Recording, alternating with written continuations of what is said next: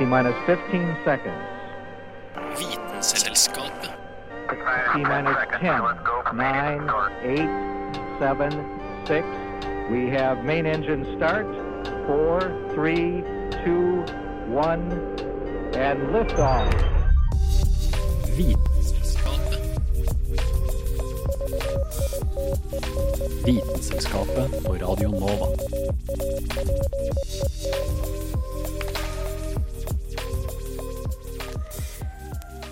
Hei og velkommen til oss. Jeg tenker vi skal begynne denne dagen med en liten øvelse. Jeg har med meg to stykker her i studio. Dag Løvold Magnussen Hei, hei. og Hanne Grydland. Hallo! Og nå tenker jeg dere to skal få lukke øynene. Lukke øynene. Okay. Helt mm, lukka. det er lukka. Ja, også dere der hjemme. Lukk øynene. Og så får dere ikke åpne dem før jeg sier fra. Fordi når du åpner dem igjen, så vil du se verden på en helt ny måte. I dag så skal vi nemlig se gjennom transplanterte øyne. eh, Øyne med rare pupiller og ulike farger. Og vi retter også blikket mot verdensrommet og ser ting vi egentlig ikke kan se med det blotte øyet. Jeg håper dere er klare. Mitt navn er Kristin Grydland, dette er Vitenselskapet, og du kan nå åpne øynene dine. Vite, vet, Vitenselskapet.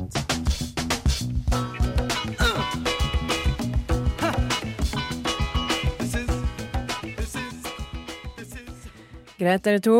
Hvilken farge har jeg på genseren min? Oransje. Gul, oransje, ja. ja det, er, det er jo ganske likt. Eh, men hva tror dere svaret hadde vært hvis istedenfor mennesker, så var dere kuer? Hvis, ku, hvis kuer kunne snakke. Ikke gress. Alle veit jo at uh, dyr har uh, forskjellige form på pupillene. Forskjellig fra oss. Vi har jo runde, som regel, med mindre det har skjedd et eller annet. De fors forskjellige pupillene på dyrene gjør jo at de også ser forskjellig. Og det skal vi høre litt om nå.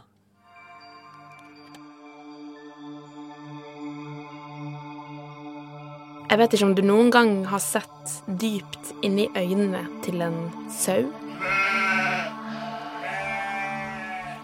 Eller en katt? Eller kanskje en ku eller hest? Hvis du noen gang har det, så har du kanskje lagt merke til noen forskjeller også. Du trenger for så vidt ikke å se dypt inn i øynene, egentlig bare pupillen. For pupillen kan faktisk røpe dyrets natur. Sau, geiter, ku og hest har nemlig horisontale pupiller, som gjerne er litt strekt utover øyeeplet. Rovdyr, sånn som katter eksempel, har skarpe, tynne, loddrette pupiller. Forskjellen mellom disse er rett og slett at rovdyr trenger et fokusert, skarpt syn. Og derfor er de utstyrt med tynne, loddrette pupiller. Mens byttedyrene trenger et stort synsfelt, panoramablikk om du vil, sånn at de kan oppfatte alle trusler som er rundt dem. Sauen med sine rektangulære pupiller gjør det faktisk mulig for dem å se hele 340 grader rundt. Den har omtrent øyne i nakken. Pupillen regulerer mengden lys som når bak til netthinnen din. Derfor er størrelse, form og funksjon veldig viktig for hva og hvor mye vi kan se. Som du sikkert vet, så vil kraftig lys gjøre at pupillen vår blir mindre. Og når det er mørkt, så vil den utvide seg. Vi mennesker har en pupill som kan utvide seg sånn at opptil ti ganger mer lys kan treffe netthinnen vår. Til sammenligning så kan katten med sine vertikale pupiller utvide den sånn at lysmengden øker 135 ganger. Det er derfor David Attenborough ikke kan se løven i bekmørket, og må bruke spesielle kamera for å se noe i det hele tatt. Mens løven kan fint se og klare å angripe.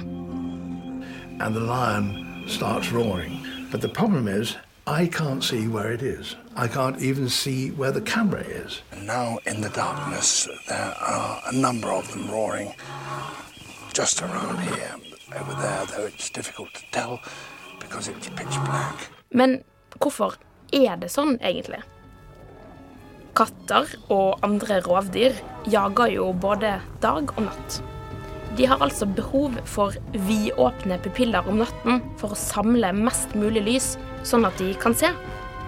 Samtidig så må de også kunne klare å snurpe sammen pupillen om dagen for å ikke bli blendet.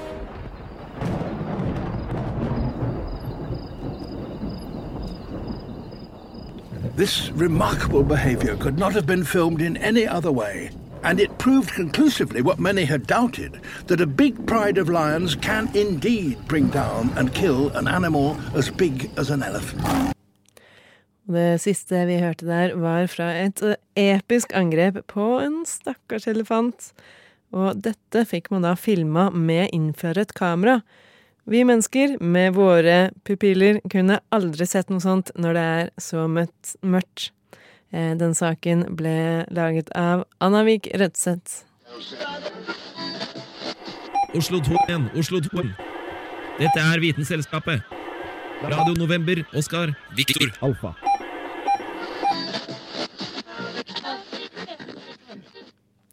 Det finnes jo ulike måter å se på, og noen av de måtene å se på er jo strengt tatt ikke eh, å se. Altså, man, man ser ikke. Det er, Nei. Eh, nei, for vi uh, snakker jo om å se verden på en annen måte i dag. Og nå skal vi snakke litt om en som ser, eller så, verden veldig annerledes enn oss. Har dere hørt om Ragnhild Kåta før?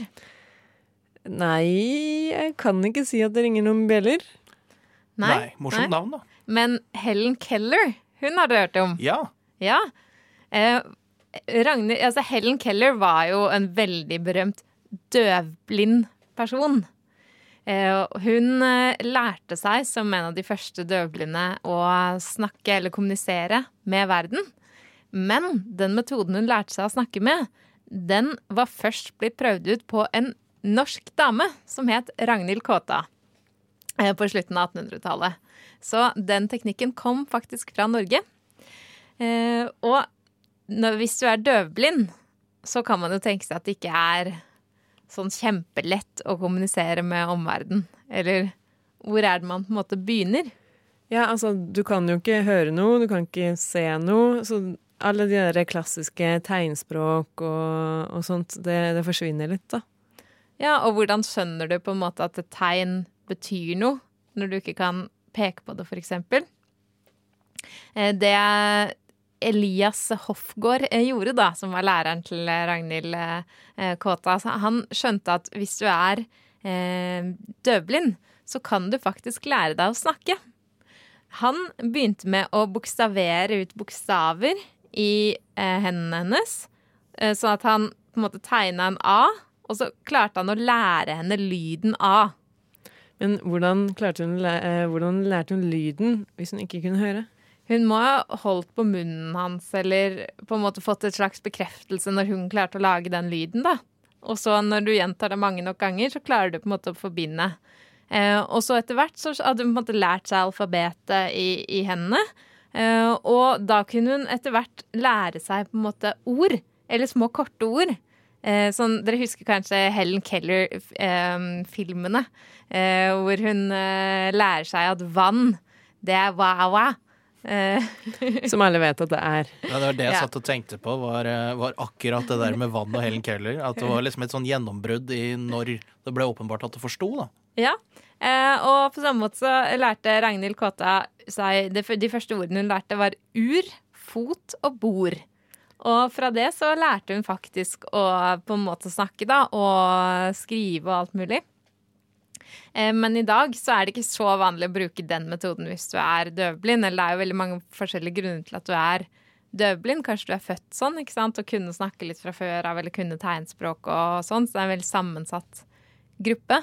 Eh, Så nå har du på en måte mange forskjellige måter å kommunisere med eh, døvblinde på. Du har blant annet En ting er at du kan vise dem tegnspråk i hendene. Så at en døvblind holder på hendene dine, og så måte viser du tegnspråk. Eh, men så kan du kombinere det med noe som er litt sånn ganske nytt, da, som heter haptisk kommunikasjon. Eh, hvor det står eh, tolken din på en måte tar på kroppen din, eller viser tegn på ryggen din, for eksempel, eller overarmen.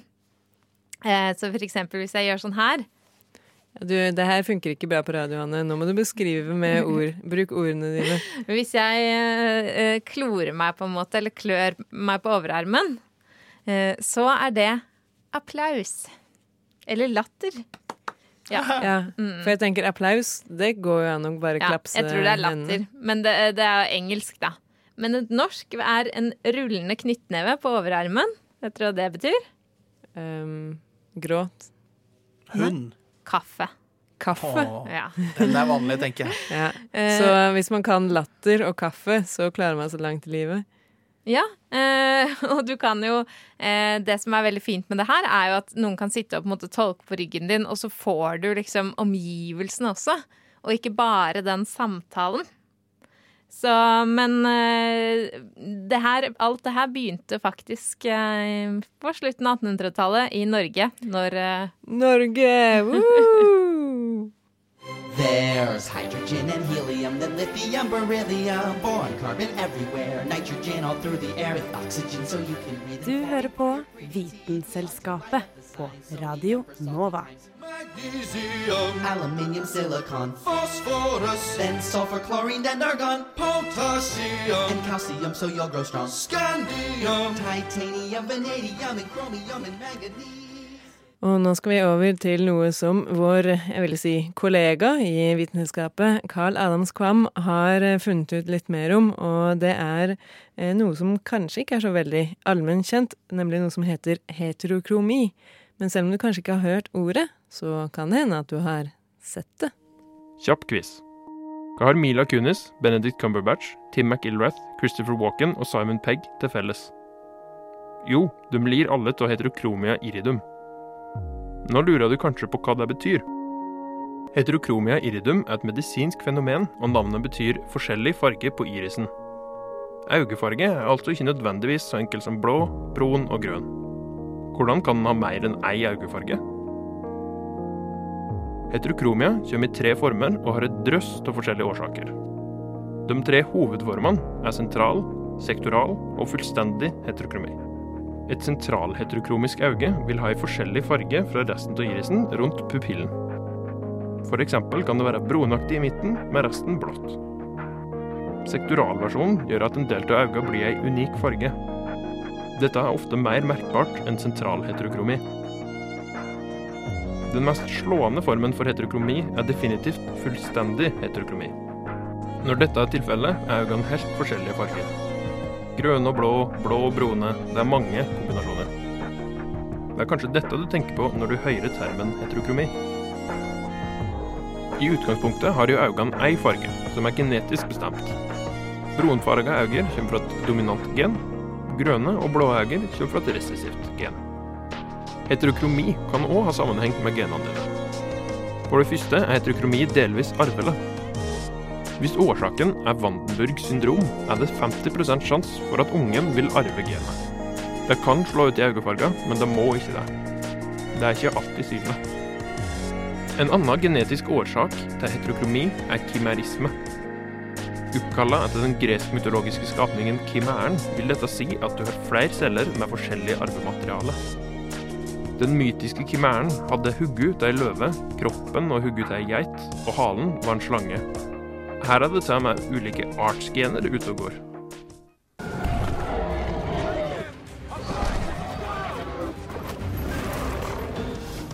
Det kan kanskje høres litt rart ut å ha flere typer DNA i samme kropp.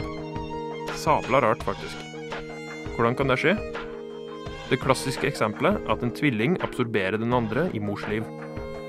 Noe av kroppen vil da ha genmaterial fra den tapte søster eller bror. Om dette gjør utslag på øynene, vil du kunne få forskjellige farger, med opphav i forskjellig arvestoff. En av årsakene til sektoral heterokromi er Vandenburg syndrom.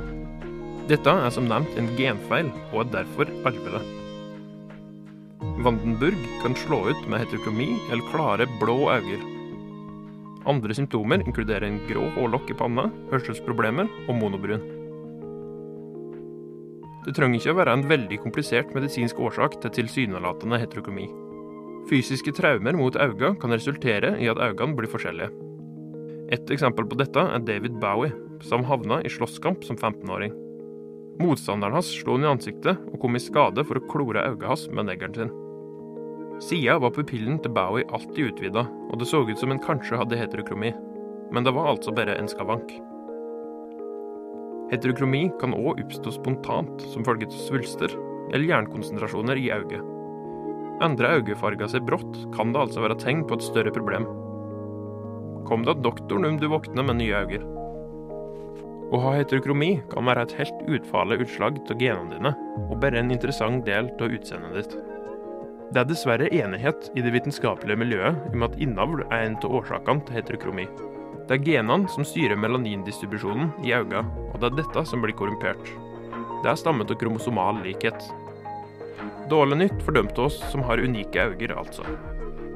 En ting som kan slå enten positivt eller negativt ut, er at det er en sammenheng mellom øyet sitt utvikling og heterokromi. Det kan nemlig være at øynene dine er underutvikla, og derfor mangler melanin. Men det kan òg være at øynene er overutvikla. Helt unike øyne med ei forholdsvis unik årsak enn å prate om, i hvert fall. Og ei god unnskyldning til å se din utgående djupt inn i øynene. Men eh, det er jo en annen måte man kan ha to forskjellige øyne på, som Carl ikke nevnte i denne saken her. F.eks. For eksempel hvis et av øynene er transplantert fra et annet menneske. Ikke sant, Dag? Jo, altså det, det kan jo tenke Du kan jo putte inn et øye der, men uh, det store spørsmålet er jo om du får det til å virke. Du kan ta en BMW-motor og putte inn i en gammel Volvo også, men det betyr jo ikke at den motoren kommer til å gå. Og det er jo det store problemet som møter disse forskerne som kommer fra universitetet i Pittsburgh, som gikk hardt ut i 2016 og sa nei, nå skal vi få til det å transplantere et øye. Et helt øye. Fordi at det man tidligere har gjort, er jo man har en operasjon som kan fikse ødelagte øyne, som har på en måte kanskje blitt truffet av noe eh, Hva er det de kaller det? De kaller det shrapnel på engelsk, altså små Ja, små Metallspon og sånn. Ja. Fragmenter. Ja, altså ulykker da, som Splinter. skjer Splinter, ja. Som skjer med øyet. Men det er det ytterste laget av øyet, altså hornhinnen. Den kan bli ganske så skada. Du kan til og med ikke kunne se noe som helst. Men den kan altså transplanteres, og veit du hvor lenge man har gjort det? I 25 år. Fire ganger så lenge, altså. Første år? hornhinnetransplantasjonen skjedde for 100 år siden, og han fikk faktisk synet tilbake på det ene øyet. Yes. Men det store problemet er jo det at veldig mange øyeskader, spesielt medfødte øyeskader, det er ikke hornhinna som er problemet, det er det som er baki der. I selve eh, netthinna? Ja. Eller i liksom geléklumpen? Netthinna og det som kommer bak der. For det er jo det som er med øyet, er jo at det er vår mest fremtredende sans. Det er sånn vi orienterer oss rundt i verden. Og den prosesserer så uhorvelig mye informasjon. Og for å prosessere så mye informasjon og gi den så fort til hjernen som man gjør, så er det selvfølgelig millioner av nervetråder og nervefibre. Og problemet du møter på hvis du skal transplantere et øye, er jo at gjerne hvis øyet har slutta å funke, netthinnen har slutta å funke, så har jo også disse nervetrådene slutta å funke. Og der er det ikke bare å bytte og putte på nye, altså. De, skrur seg totalt av, og nettopp for, for å beskytte hjernen også, da. Fordi at hvis du har en informasjonskanal som går rett inn, og den bare plutselig slutter å funke, så må du jo kutte av den, på en måte. Du kan ikke ha den stående og sende masse ræl inn til huet ditt, da. Det blir som å ha en eh, TV på som bare sender snø, eller sånn radio som står og skurrer. Mm. Dette var i gamle dager hvor eh, disse midlene faktisk eh, gjorde det, da. Nå kutter de jo rett og slett ut. Ja, vi- husker jo dette, det er problemet med disse TV-skjermene og disse skurringene og hele den pakka der. Men det som er med hornhinna spesielt, da, det er at den er ikke kobla til øyet og øyets blodbaner. Så noe den er unik med i transplantasjonsverdenen, er at da kommer ikke de hvite blodcellene inn. For nå skal vi også prate om det største problemet som kanskje møter forskerne som prøver på det her, og det er såkalt reeksjon. Det er at kroppen får et nytt organ, og det frastøter seg organet. Så øyet bare tyter ut av eh, øyehulen, da. Ja, tenk, altså, tenk hvor grusomt det hadde vært. Men det er et enormt problem. Det er altså Gjennomsnittlig levetiden for et nytt organ, uansett hvilket organ eller ting du har fått, fått transplantert, er ti år. Etter ti år så har over halvparten av alle transplantasjoner slått feil. Altså blitt frastøtt av kroppen. Og da er altså gjennomsnittlig levealder for en hjertetransplantasjon den er altså for halvparten ikke over ti år. Så de lurer oss litt grann ofte på TV-en der. altså At det virker sånn Ja, nå får jeg et nytt liv. Ja, kanskje for en stund. Men det er mye som tyder på at det ikke varer så lenge. Men har de liksom kommet noe vei med de øynene, da? Det de skal gjøre, det er jo litt spennende, fordi de skal prøve å gro øyet og den optiske nerven i en skål, og så prøve å putte det inn. Men det er jo Hvis du kan tenke deg hvordan kroppen med forholdsvis mindre avanserte organer og baner og alt det der frastøter seg det og angriper liksom inntrengeren som kommer, når du da begynner å skru med noe som er så komplisert, da tenker jeg at det skal ganske mange forsøk til før det funker, altså. Ja, og så tenker jeg at det er litt sånn hvis du har en hånd som er avkutta, da, så skal du prøve å feste den på igjen, eh, så er det mye som skal treffe. Eh, Men bare tenk på hvor mye det er som skal treffe inni den lille, det lille øyet. For jeg avslutter bare med en veldig liten, kort uh, gladhistorie til slutt. Vi har en to år gammel jente som heter Elizabeth Crace, som fikk et nytt hjerte i 1984. Dette hjertet har vokst med henne, og hun har det fortsatt. Hun lever i dag, og hun har nå tatt rekorden som den eldste levende hjertetransplantasjon. Så det er håp der ute. Det er jo eh, det er egentlig alt det vi ønsker oss.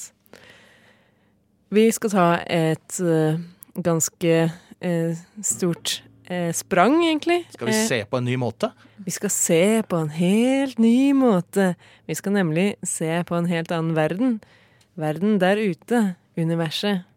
For det er jo sånn at det er jo mye vi kan se med vårt blått øye, men vi kan jo ikke se så innmari langt. Og i hvert fall ikke så langt ut i verdensrommet. Og det er derfor noen smarte mennesker har funnet opp teleskoper som kan ta bilde av verdensrommet for oss. Men disse bildene, vi har jo sett dem, de ser nydelige ut, men de er faktisk ikke så fargerike som de blir framstilt for oss.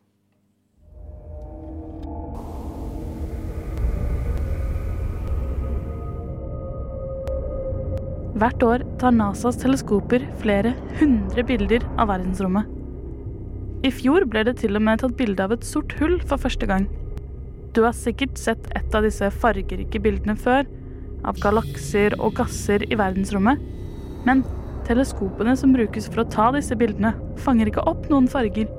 De ser nemlig bare i svart-hvitt.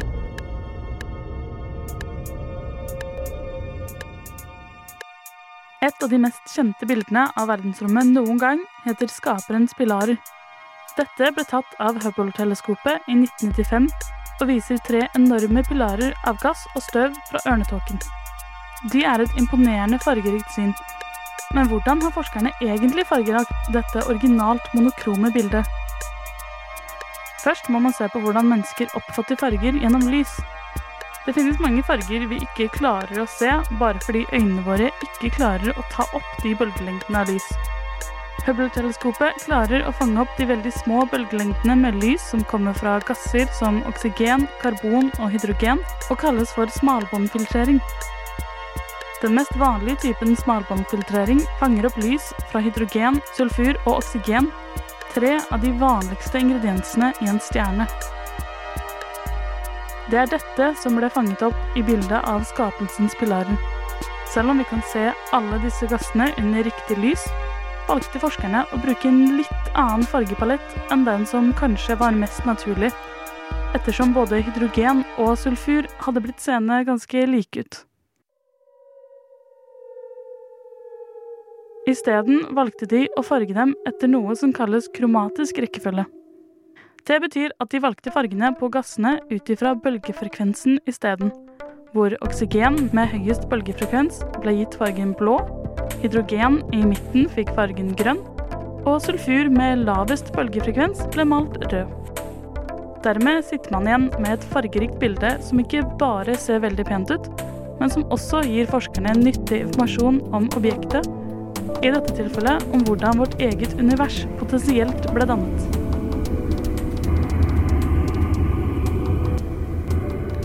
Og denne saken ble laget av Julianne Li Fjell. Dag, ja, her har jeg tatt med et ark. Kan Ja. du si hva du ser på arket? Du, dette Ja. så nesten ut som noen avokadovarianter og med flotte tegninger på. Det var eh, flotte steiner. Ja, det ser ut som små steiner. Ja. Mhm. Eh, Det er faktisk noen av de første bildene vi har av såkalte mikrometeoritter. Og det er en helt ny måte å ta bilder av mikrometeoritter på. Du ser på sånn at de får sånne fine farger. eh, Og rare for fasonger. De var kjempeflotte. Mm. Eh, Og nå lurer sikkert dere lesere, eh, lyttere på hva er en mikrometeoritt? Jeg tipper at de antar at det er som en meteoritt, bare veldig, veldig liten. Ja, fordi eh, fram til for noen år siden så trodde man at eh, når en meteoride kom inn, i atmosfæren vår, så brant den opp. Sånn at det eneste som var igjen, var en sånn liten sånn røykpartikkel. Hvis den var større, så ble det jo til en ordentlig stor meteoritt som lager krater og sånn. Men man trodde på en måte ikke at det fantes noe særlig mellomting her. Og det var helt eh, fram til en eh, mann som heter Jon Larsen, som er sånn eh, jazzmusiker eh, fra Norge, kom på banen. Hvor han mente at eh, jo da, mikrometeoritter finnes. Det er bare å finne dem. En mikrometeoritt den er kanskje på størrelse med Det er som en størrelse, på størrelse med et punktum. Så lite, ja. Ja. Så han uh, har brukt da eh, et prosjekt som kalles eh, Project Stardust. Siden 2009 så har han reist rundt i verden på urbane hustak og sånn, utstyrt med magnet fra Claes Olsson uh, og en liten sil, og samla støv, da. Og nå Det her høres ut som en glimrende måte å få støtte på til sånn eh, verdensomseiling. Jeg ser jo en sånn fyr som flyr ut med saksofon og liksom spiller Homeland-style til at han driver og plukker disse Ja, ja. For han gjorde jo dette på turneene, ikke sant? eh, og så um, Det tok syv år eller noe sånt nå, men så fikk han verifisert av NASA at ja, han hadde funnet en mikrometeoritt. Altså, tenk å gå rundt eh, på hustak og lete med metalldetektorer i sju år, og Ikke ingen metall- tror på deg. Ikke metalldetektor, magnet. Magnet, ja. Mhm, ja. For de er jo magnetiske, disse mikrometeorittene. De inneholder på en måte for det meste sånne mineraler, eh, men også nikkeljern og platina og liksom magnetitt og sånn, da. Eh, så, men det som er litt morsomt, er jo at de smelter jo når de kommer inn i atmosfæren. Og så på en måte rekrystalliserer de seg i atmosfæren. Når de kjøler seg ned igjen, liksom. Mm. Ja. Så det er derfor de får litt sånn karakteristisk sånn glassaktig kanskje utseende, da. Veldig morsomme fasonger. Så det blir som en slags steinregn. Eh, ja, på en måte. Um, og så har um, han Jon Larsen har slått seg sammen med en eh, annen forsker som heter Jan eh, Brali Kile, som har eh, en måte pionert en sånn ny måte å ta bilde av disse mikrometeorittene på. De tar masse, masse, masse, masse bilder fra ulike vinkler, og så setter de sammen bildene. Så det blir sånn ordentlig fotografi, da. En ordentlig ny måte å se verden på. ja, vær så snill å avslutte med å si at han spiller trompet, da. Nei, men eh, jeg kan avslutte med å si at eh, hvert år så regner det Var det 100 tonn Nei, hvert døgn kommer det 100 tonn mikrometeoritter ned på jorda. Og ingen har sett dem før. Jon Larsen, vår mann.